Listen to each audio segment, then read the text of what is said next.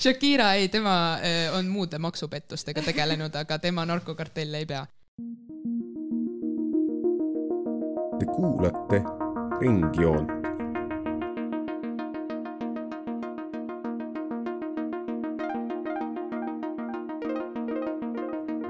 joon ringis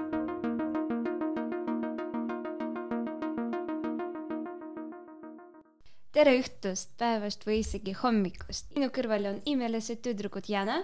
tere! ja Anna Gerda. Hola! ka stuudios koos meiega on meie moderaator Kaili. tänane väljaanne keskendub sellele piirkonnale nagu Ladina-Ameerika. see läks juba kuumaks. kas te tunnete seda järgmise unustamatu tunni jooksul jookseme kiiresti läbi erinevate riikide ja meie külalised jagavad igaühe kohta kasulikku ja huvitavat informatsiooni, kuid tahaksin alustada huvitavate faktidega üldiselt piirkonna kohta, et meie kallis publik saaks aru, millest läheb edasi juttu. siis, kas te teadsite, et maailma lõunapoolseim linn on täpselt Ladina-Ameerika? see on Ushuaia Argentiinas, millest lõuna poole asub ainult Antarktis ja kliima poolest on Ushuaia võrreldav põhjapoolse linnaga nagu Murmansk. samuti suurim ja rahvarohkem Ladina-Ameerika riik on Brasiilia, mis on pindalalt suuruselt viies ja rahvaarvult kuues. muide, räägitakse mitte hispaania, vaid portugali keelt. ja ma ütleks siia vahele kohe seda, et, et äh, Brasiilia populatsioon moodustab poole terve Ladina-Ameerika populatsioonist, et seal elab nagu pool sellest kontingendist wow.. seal samuti asub maailma suurim jigi, Amazonas maailma pikim mäest gigandid ja maailma kõrgem juga ingel. Äh, seal asub ka Atacama, mis on meie planeedi kõige kuivem kõrb ja mõnel pool ei ole sajandeid vihma saadanud. Rio de Janeiro iga-aastane karneval on maailma suurim. Samba, Samba de Janeiro kuid Rio de Janeirot ei saa üldiselt nimetada rahumeelseks linnaks. kahekümne esimesel sajandil pidi Brasiilia valitsus mitu korda võtma kasutusele regulaararmee, et ohjeldada röövelikke jõuke ja samuti Ladina-Ameerika on ka koduks mõnele maailma kõige meeldivame kliimale. Ecuador näiteks, kus temperatuurid ulatuvad ähm, aastaringselt kahekümne viie ja kolmekümne kraadi vahel. siin ei ole üldse mingit aastaaegade vahetust ja siis tulenevalt sellest mul tekkis üks küsimus teile, tüdrukutele. Teie kord rääkida, kas te olete kunagi käinud ühes Ladina-Ameerika riigis? ei ole, aga tahaks väga minna. ei. nii kahju. kas sina oled kunagi käinud? ei, muidugi mitte okei okay,, siis äh.... aga nüüd räägime, miks me ei taha sinna minna. jaa. ma arvan, see on väga relevantne küsimus, arvestades ja. neid äh, olusid ja eriti viimase aja äh, sündmusi, mis seal on toimunud. siis ütle mulle, palun, Anna Gerda, miks on Lõuna-Ameerika läänemaailmast nii maha jäänud? no üks põhjus on kindlasti kolonialism või ütleme siis kõik Ladina-Ameerika riikidest on kunagi olnud kas siis Hispaania, Prantsuse või Portugali valitsuse all nende nii-öelda impeeriumite kõrgajal. Ja saades vabaks siis äh, üheksateistkümnendal sajandil, need riigid võib-olla ei ole nagu jõudnud äh, sinna, kus äh, lääneriigid tänapäeval on jõudnud. Ja üks põhjus on ka kindlasti see, et need riigid ekspluateerisid, ütleme siis Portugal, Hispaania ekspluateerisid väga rängalt ära oma kolooniaid, viies siis kõik seal toodetud materjali või sealt leitud materjali just sinna emamaale ja, aga ma arvan, et seda saab nagu kuidagi ümber pöörata niimoodi, et, et siis endised kolooniad ja nii-öelda need kunagised äh, koloniaalemamaad peaksid nagu leidma enda vahel mingisuguse lepituse. Inglismaa äh, osas me rääkisime ka natukene kolonialismist. Inglismaa ja endiste kolooniate vahel ei ole tekkinud seda päris sidet ja, ja leplikkust, mis seal peaks olema. aga ma arvan, et Brasiilia näiteks äh, on üks hea näide sellest, et nad ei ole veel valmis leppima sellega ja, ja lepitust leidma Portugaliga. see, siinkohal võib selle Bolsonaro näite tuua. Bolsonaro ei käinud mitte ühtegi korda enda valitsusaastate jooksul Portugalis visiidil ja nüüd, kus alles toimusid siin äh, viimatised veidi skandaalsemad valimised äh, Brasiilias, kus äh, Bolsonaro sai alistatud Luis Inacio de Silva poolt kes on siis töölisrahva juht ja, ja kunagine vabadusvõitleja Brasiilias, äh, siis Lula läks esimestel nädalatel peale valimistulemuste avaldamist äh, Portugali. Ja ma arvan, et see on nagu selline väga märgiline sündmus, mis näitab juba, et, et äh, Brasiilia on valmis nii-öelda andeks andma jutumärkides Portugalile. ja ma lisaks ka, et äh, kui me võrdleme näiteks Euroopaga, siis kindlasti me näeme, äh, et meil on pinged Lõuna-Ameerika ja demokraatia vahel ja see tulenebki sellest, et meil on koloonia pärimus ehk majanduslikud ja sotsiaalsed struktuurid on säilitatud koloonia ajast saadik inimesed on harjunud, et riikides on oligarhia või mingi eliit ja põlisrahvaste ekspluateerimine.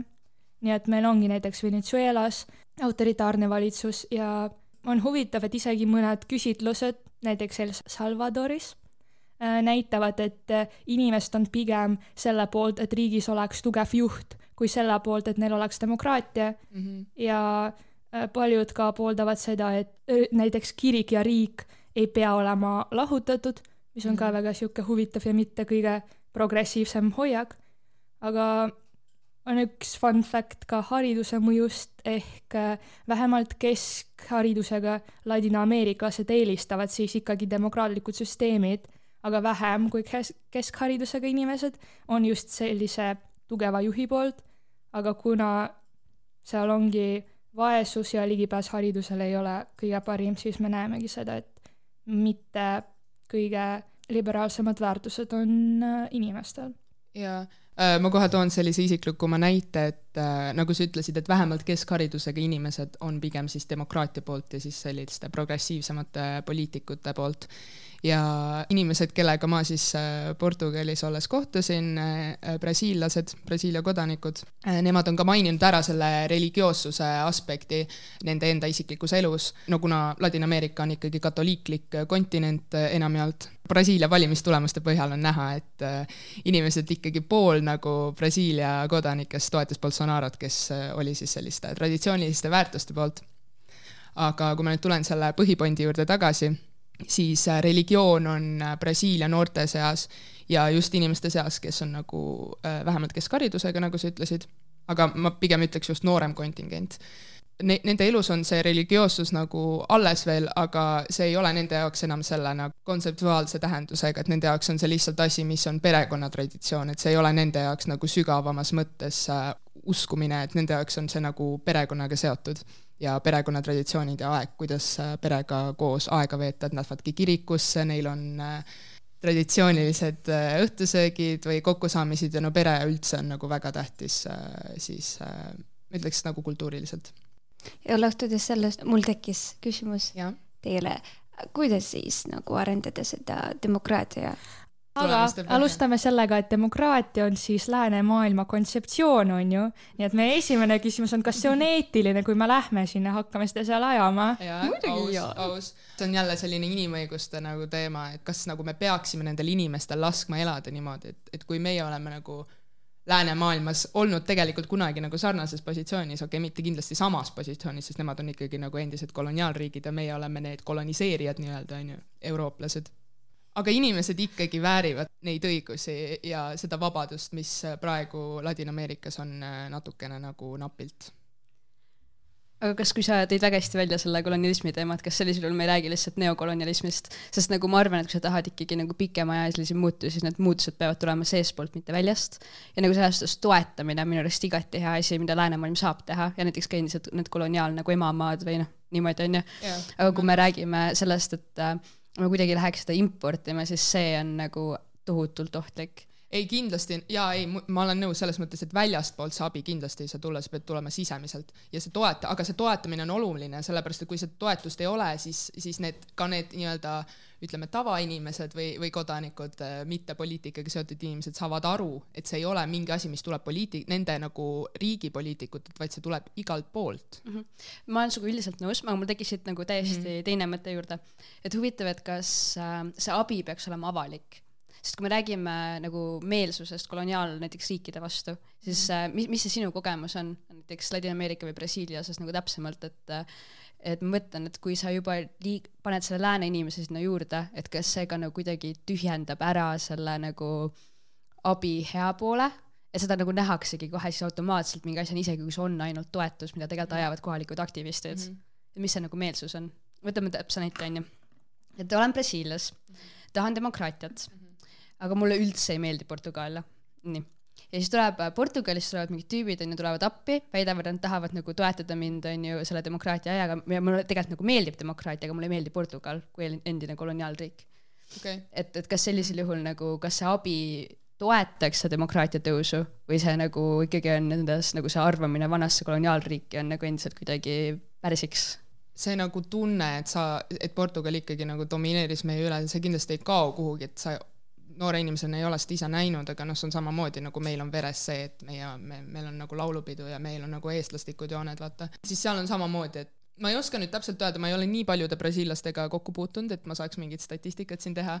spekuleerin spekuleerin nii palju, et, et need brasiillased, kellega ma olen kohtunud, nad tahavad Brasiiliast ära kolida sellepärast et seal on lihtsalt nii halvad olud siin hariduse suhtes, ühiskondliku võrdsuse suhtes, äh, seal on poliitikud väga paljud korrumpeerunud ja ma arvan, et brasiillased ise on nagu aru saanud, et see elu Brasiilias ei ole see, mida nemad väärivad ja, ja sellepärast nad tahavad tulla Euroopasse. ja ma arvan, et see meelsus kindlasti noh, eks igal riigil on neid nii-öelda ütleme siis äh, selliseid äh, põl-, Põlva osse on ju, ma üldse nagu kuidagi, ma kuidagi nagu üldse ei solva Põlvat, aga, aga selliseid nagu rohkem kõrvale jäänud nagu sellisest peavalust ja, ja nagu aktiivsemast äh, arutelust ja poliitikast. ja ma ei ütlegi, et kõik näiteks Bolsonaro toetajad on nüüd need nii-öelda põlveossid, kindlasti ei ole, on ju, et hästi paljudel ongi see religioon hästi oluline, kuna see on osa nende kultuurist, seda ei saa nagu lihtsalt nagu niimoodi ära võtta ja ei peagi võtma, see ongi nagu nende nii-öelda nišš ma ei ütlegi nagu, et, et seda peab nagu ühendama nagu lääne ühiskonnaga, aga seda peab kuidagi kohandama niimoodi, et et inimestel oleks selles religioosses keskkonnas ikkagi ka omad õigused. Ja ma arvan, et see meelsus erineb, aga ikkagi noored inimesed tahavad muutust. Ja, ja kui me räägime juba väärtustest, siis ma lisaks ka, et kuna meil peamine probleem ongi vaesus ja si-, selline ühiskondlik ebavõrdsus, millest tulenevalt meil inflatsiooni mõju elanikkonda siis ebaühtlaselt, siis võib-olla need inimesed, kes ongi vaesed, nad ei mõtle nende väärtuste peale nii palju. Nendel pole vahet, kas neil on demokraatia või mitte demokraatia, kui nad ei saa endale süüa osta, sest et äh, kui me räägime edasi saates ka veits Ukraina sõja mõjust, et meil ongi toidukriis ja inimesed eriti ei mõtle selle peale et näiteks tuues siis äh, Argentiina näide, viimase kaheteistkümne kuu jooksul oli siis inflatsioon Argentiinas kaheksakümmend kaheksa protsenti ja Eestis see on nagu kakskümmend protsenti, aga Argentiinas see on nagu neli korda rohkem, okei okay?. ja siis äh, Argentiina peso on ka kaotanud kolmkümmend protsenti oma väärtusest ja selle aasta lõpuks eeldatavasti on see inflatsioon peaaegu sada protsenti. see inflatsioon äh, on alanud siis kolmekümnendatel aastatel, selles vahemikus tuhat üheksasada nelikümmend neli kuni siis kaks tuhat kakskümmend kaks äh, inflatsioon oli sada üheksakümmend koma kaheksakümmend kaks protsenti. nii et rääkides just nagu sellistest füüsilistest vajadustest, ma arvan, et see, sellest tulevad väga paljud probleemid või ja. nagu võib-olla see on seotud, võib-olla nagu need probleemid tulevad autoritaarsetest režiimidest ja korruptsioonidest, nagu kuidas teie suhtute sellesse? Äh, ma ütleks äh, siia vahele sellise asja, et sa rääkisid sellest, et inflatsioon hakkas kolmekümnendatel, et, äh, et see oli nagu see aeg, kus tuli Argentiinas võimule sõjaväehunta ja ähm, huvitav on selle juures see, et tegelikult enamikes, põhimõtteliselt kõigis, ütleme, ma väga suurelt üldistan praegu, aga enamikes Ladina-Ameerika riikides on olnud mingil perioodil võimul äh, sõjaväeline diktatuur. Äh, just siis kahekümnendal sajandil ja näiteks Brasiilias oli see aastast tuhat üheksasada kuuskümmend neli kuni tuhat üheksasada kaheksakümmend viis. ma arvan, et äh, üks väga skandaalne aspekt siinjuures on see, et Bolsonaro, kes on siis äh, konservatiivne poliitik, austab meil traditsioonilisi väärtusi ja üleüldse on nimetatud nii-öelda troopika Trumpiks, parempopulistiks, tema toetab väga kindlakäeliselt Brasiilia kunagist sõjaväediktatuuri ja ta on samuti öelnud, et nii-öelda coup d'etat toimus selle diktatuuri siis äh, algusaastatel, kui diktatuur võimule tuli, et see tegelikult ei olnudki coup, vaid see oli äh, lihtsalt võimuvahetus, rahumeelne, mida see tegelikult muidugi ei olnud, on ju. ja kui siia kõrvale tuua siis tema oponent selleaastastel Brasiilia valimistel, Luis Inacio Lula de Silva, tema on meil progressiivne poliitik, nagu ma juba ütlesin, vasakpoolne. Ja diktatuuri aastatel äh, ta oli üks nendest, kes äh, võitles tegelikult diktatuuri vastu. ta korraldas väikese mobilisatsiooni enda kolleegide seas, neid võib nimetada tegelikult nagu gerillagruppideks, on ju, nad äh, võitlevad selle võimu vastu. Tema ja siis ka teiste vasakpoolsete poliitikute imidž ongi siis kujunenud ühe sellise mehe põhjal, kelle nimi on Carlos Lamarca ja ta oli samuti diktatuuri aastatel üks oluline isik kes äh, oli kunagine sõjaväe ohvitser, aga mingi hetk ta siis vahetas nii-öelda oma leeri ja läks üle siis nende geriljade poolele.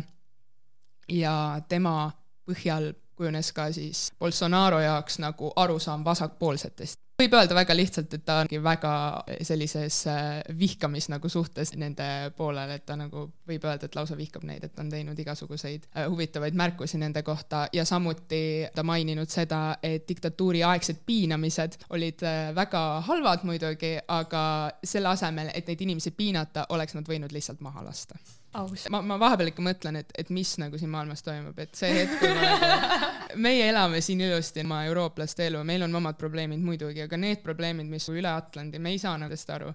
ja ma arvan, et seal ei olegi võimalik luua sellist korda, nagu meil siin äh, läänemaailmas nii-öelda ja Euroopas on, sellepärast et seal on nii palju erinevaid aspekte, alates religioossetest aspektidest, tulles tagasi siis kolonialismini ja mõeldes kõikide nende militaardiktatuuride peale, mis sellel kontinendil on toimunud, siis ma arvan, et nad ei ole lihtsalt valmis vastu võtma seda läänemeelset demokraatiat veel ja sealhulgas on siis ka selles riigis väga suur korruptsioonimäär, mis on äh, samuti üks aspekt, miks me ei saa seda demokraatiat sellel viisil rakendada, nagu me seda läänemaailmas teeme. ja, ja korruptsioon siis Ladina-Ameerikas üha kasvab ajaga ja valitsus sellega üldiselt ei tegele, et äh, küsitlused näitavad, et inimestel on kindel arvamus, et valitsus ei panusta korruptsiooni vastu võitlemisele, vaatamata sellele, et väga paljud poliitikud on ikkagi vangistatud, aga korruptsioon säilib ja väga suureks probleemiks on siis altkäemaksud, mis äh, kujutavad endast siis olulist takistust peamiste avalike teenuste kättesaadavusele, eriti siis ühiskonna kõige haavatavamate liikmete jaoks. ja kõige korrumpeerunumad valdkonnad on siis politsei valitud esindajad ja kohalikud omavalitsused mis äh, näitab, et kogu riiklik valitsus ja tsiviilisikute kaitsev organ on nii korrumpeerunud, inimestel ei ole lihtsalt usaldust enam. ja nagu sa mainisid seda, et paljud korruptsiooniga seotud äh, isikud on vangistatud, äh, ma nüüd täpselt aastat ei mäleta, igatahes kahe tuhande kümnendatel aastatel toimus selline väga äh, skandaalne äh, sündmus nagu autopesula, mis kõlab väga vahvalt, aga tegelikult ei ole, et äh, portugali keeles lava jato, üks ja ainus kõige suurem äh, Ladina-Ameerika rahapesuskandaal. ja miks selle nimi on siis autopesul ehk lava jato, on sellepärast, et see sai alguse siis autopesulast, mille läbi siis seda raha pesti. Ja sellega olid seotud Brasiilia poliitmaastiku no tuntumad nimed, sealhulgas presidendid ja ka Lula, mistõttu ta veetis vangistuses äh, rohkem kui aasta, aga ta lasti siis lõpuks sealt ikkagi vabaks ja miks ta vabaks lasti, oli sellepärast, et siis see kohtunik, kes tema üle kohut mõistis, Bolsonaro valis ta enda valitsusse. ma mõtlen nagu, mis seal riigis toimub, seal pole mitte mingisugust võimude lahusust lihtsalt. ja ühiskondlik polariseerutus oli lahendatud sellega, et nad olid ühi-, ühinenud. ja, ja kõik oli korras, sellepärast et Lula sai vabaks ja ta on nüüd meie president, onju. Brasiilias ei olnud mitte mingit muud võimalust, nad ei saanud mitte kedagi muud valida kui Lula. jättes täiesti kõrvale selle, et ta on ju tegelikult samuti täiesti korrumpeerunud president. teised kandidaadid, kes olid siis Ciro Gomes ja Simone de Bet, kes olid nagu ütleme siis need actual inimesed, kes oleks võinud mingit muutust teha, nemad said nagu mõlemad vastavalt kaks ja kolm protsenti häältest, võrreldes siis sellega, mis teised said nagu viiskümmend ja viiskümmend. Ladina-Ameerika tähistab seda Lula võitu, see on muidugi väga tore ja ma ise nagu olen ka sellel arvamusel, et see on tore, aga kui me mõtleme selle peale, et kas see on siis nagu samm demokraatia poole või ei, see ei ole nagu see, mida me otsime. Äh, me võiks öelda ju, et see on samm demokraatia poole, aga see ju tegelikult ei ole, sest luule on ise nii korrumpeerunud ja need väärtused, mis läänemaailmas toimivad, seal ei toimi ja ma arvan, et ei saa toimima lähima saja aasta jooksul. ja siis nagu me näeme, korruptsioon on väga kirglik teema meie jaoks. okei siis äh, lähme teise teema juurde. näiteks räägime migratsioonist, no kuna mingitest Ladina-Ameerika mm. riikides on ka immigrante äh,. Anda, mis sa võid selle kohta ütelda? Äh, ma ütleks, et Ladina-Ameerika on samuti selline kontinent, kus toimub migratsioon väga tihedalt ja väga massiliselt. üks näide on siis äh, Venezuela muidugi, kus siis äh, selle autoritaarse režiimi ja inflatsiooni tõttu on põgenenud, kui ma ei eksi nüüd, üle kolme miljoni inimese ja kuhu nad kõik põgenevad, teistesse Ladina-Ameerika riikidesse, mis tähendab, et nad on seal immigrandid. enamik on siis muidugi Kolumbiasse põgenenud, sest see on nende naaberriik ja Kolumbia on nad väga hästi vastu võetud ja nüüd Kolumbias äh, on ka väga suured äh, Venezuela kodanike kogukonnad. kõige immigrantide rohkem riik on Ladina-Ameerikas aga Argentiina, kus on immigratsioon on kaks korda suurem kui siis äh, emigratsioon ja Tšiili ja miks? sellepärast, et nad on kaks kõige stabiilsemat riiki Lõuna-Ameerikas ja kuhu teised Lõuna-Ameerika kodanikud siis kolivad ümber. kõige ohutumaks Ladina-Ameerika riigiks on loetud tegelikult Uruguay'd mis on neljakümne kuuendal kohal maailmas turvalisuse poolest. ja rääkides veits äh, Venezuelast siis ja selle kriisist, äh, võin öelda, et seal hetkel toimub siis enneolematu sotsiaalne ja humanitaarkriis ehk äh, halva majanduspoliitika ja poliitilise konflikti tulemusena meil on toidukriis, rändekriis, nagu oli varem öeldud, ja piirkondlik ebastabiilsus ja seal on ka väga tugevalt juurdunud autoritaarne režiim. kuigi eksperdid ei ole ühel meelel selles, millist tüüpi autoritaarsus on Venezuelas olemas, siis me võime öelda, et Chavez'i esimese valitsemisaastad olid juba autoritaarsed, aga aastast kaks tuhat kolmteist tuli siis võimule president Nicolas Maduro Very true. Äh, kelle siis poliitilise režiimi autoritaarsed jooned on siiamaani väga ilmsed ja ilmsemad kui kunagi varem hüppaks siit täiesti teise või noh, mitte täiesti teise, aga teise teema juurde. üks põhjus, miks veel on Ladina-Ameerika nii kaootiline, on see, et see, see geograafia, mis seal on, teistsugune samuti kui Euroopas, seal on väga ulatuslikud vihmametsad, no ütleme, et võib-olla varsti enam ei ole, on ju, sellepärast et neid äh, raiutakse maha kogu aeg, üks neist on äh, Bolsonaro, kes neid äh, maha raius, on ju.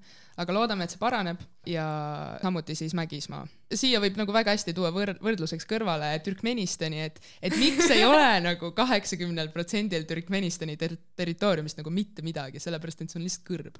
no mis sa kõrbesse ehitad, on ju noh. sa ikka ehitad kõik sadamad ja linnad nagu jõgede või merede äärde, on ju. ja noh, samuti on seal äh, ulatuslikud haiguspuhangud, malaaria, kollatõbi, sellised nagu meile täiesti tundmatud haigused. nüüd tuleb kõige huvitavam teema tänasest saadest ja no siis räägime kokaiinist ei no mis ma selle kohta oskan öelda, selles mõttes, et äh, Ladina-Ameerika on ju teada-tuntud narkokartellide paradiis ja kõige suuremad narkokartellid asuvad siis Kolumbias, Mehhikos, Guatemalas, Boliivias. ehk siis ma ütlen ausalt, igas Ladina-Ameerika riigis on äh, üks see nagu main narkokartell samuti seotud siis väga tihedalt valitsuse ja, ja korruptsiooniga. aga Boliivias näiteks suurim on Santa Cruz kartell, Kolumbias Medellin kartell, Mehhikos äh, teada-tuntud Sinaloa kartell, kes, kelle esimees meil siis oli El Chapo siis kahe tuhande üheksateistkümnenda aastani, kui ma ei eksi nüüd, kus ta siis äh, hakkas lõpuks kandma oma viimast ja eluaegset karistust, kolmekümne aastast, aga noh, ta on juba oma sellisesse väärikasse ikka jõudnud, et eluaegne. ja see Sina-, ma nüüd täpselt ei tea, kuidas täheldada, Sinaloa kartell on äh, samuti jõudnud siis edasi peaaegu kõikidesse teistesse Ladina-Ameerika riikidesse ja seda lo-, loetaksegi siis maailma suurimaks narkokartelliks. pigem ütleks, et kurb, ja ma täpselt ei mäleta, kus ma seda lugesin või kus ma seda nägin, aga see võis olla Venezuela dokumentaalfilm äh, Venezuela kohta kus räägiti siis sellest, et paljud pered just sellises võib-olla vaesemast kontingendist äh, elatuvadki just siis näiteks kanepi kasvatamisest või muude narkootikumide valmistamisest kodus. terve nende pere nagu sissetulek põhineb selle peal. dokumentaalfilmis oligi niimoodi, et, et politsei läks kuhugi metsa või kuhugi põldude vahele, leidis sealt nagu mingi väikese pere businessi, kes äh, seal ilusti mingit narkootikumi, võib, vabalt võis kokaiin olla valmistasid ilusti ja hävitasid nagu terve selle tungi, mis neil siis protsessis oli. ja noh, võib küll mõelda, et väga hea, me ju takistame seda levikut ja selle valmistamist, aga see oli terve selle pere aastane sissetulek ja ma vaatasin seda videot ja see oligi see, et see ema lihtsalt nuttis ja, ja need lapsed nutsid, sellepärast et nad teadsid, et neil tuleb nii raske aasta. ja ma arvan, et see ongi üks probleemidest, et juba see tööturg on nii nõrk seal, et inimesed peavadki lihtsalt nagu narkootikumide pealt endale eh, elatist teenima. Ja see ei ole isegi see, et nad ei tahaks tööle minna, neil ei ole muud võimalust, sellepärast et narkootikumidega teenib nii palju rohkem kui tavatööga. ja nii, et toetame kohalikke tootjaid. Lisaks narkoprobleemile on Ladina-Ameerikas väga märgilisel kohal, ütleme niimoodi, ulatuslik poliitiline vägivald, eriti praegu peale Brasiilia valimisi, kus Bolsonaro, kes siis kaotas Lulale valimised, ei ole ikka veel Lula võitu tunnistanud, sellega on siis ka kaasnenud ulatuslikud protestid ja roadblockid bolsonaristide ehk siis Bolsonaro toetajate poolt. Ja nüüd eelmisel nädalal, kui ma ei eksi, ründasid isegi ühte politseijaoskonda ja panid selle ees autosid põlema. miks need roadblockid on olulised, on sellepärast, et paljud Bolsonaro toetajad on veoautojuhid. Ja nad siis sõitsidki oma veoautodega no, teede peale, blokkisid need kinni, et liiklust peatada. Ja siis sellega protestisid äh, Lula võidu vastu aga kas Bolsonaro tunnistab Lula võitu, ega seda me ei saagi teada. võib-olla juhtub see, et samasugune nagu Trumpi puhul, kes põhimõtteliselt lõpuni välja ei tunnistanud ju äh, Bideni võitu. ja noh, ega teda on nimetatud ka ju Tropical Trumpiks, Bolsonarot. aga kui siit minna täiesti uue teema juurde, on äh, üks väga oluline vähemusgrupid Brasiilias ja üleüldse Ladina-Ameerikas, põliselanikud, kes elavad enamjaolt siis Amazonas vihmametsas ja kelle kohta siis Brasiilia endine president Bolsonaro on öelnud, et nemad võiks integreerida meie ühiskonda ja nendele ei tohiks anda mitte mingeid eraldi õigusi, siis ütleme niimoodi, et kõik on ju võrdsed, et miks nemad peavad elama nagu eelajaloolised inimesed, täpselt niimoodi ta ütles. ja siis ühes äh, intervjuus ähm, äh, ma nüüd täpselt ei mäleta selle hõimu nime, aga üks selle hõimu liikmetest ütles, et ta pigem sureks, kui äh, saaks integreeritud Brasiilia ühiskonda ja et talle väga meeldib elada nii, nagu ta elab, miks ta peaks võtma omaks need väärtused, mis tegelikult ei ole temale omased. tema tahab elada oma traditsioonide järgi.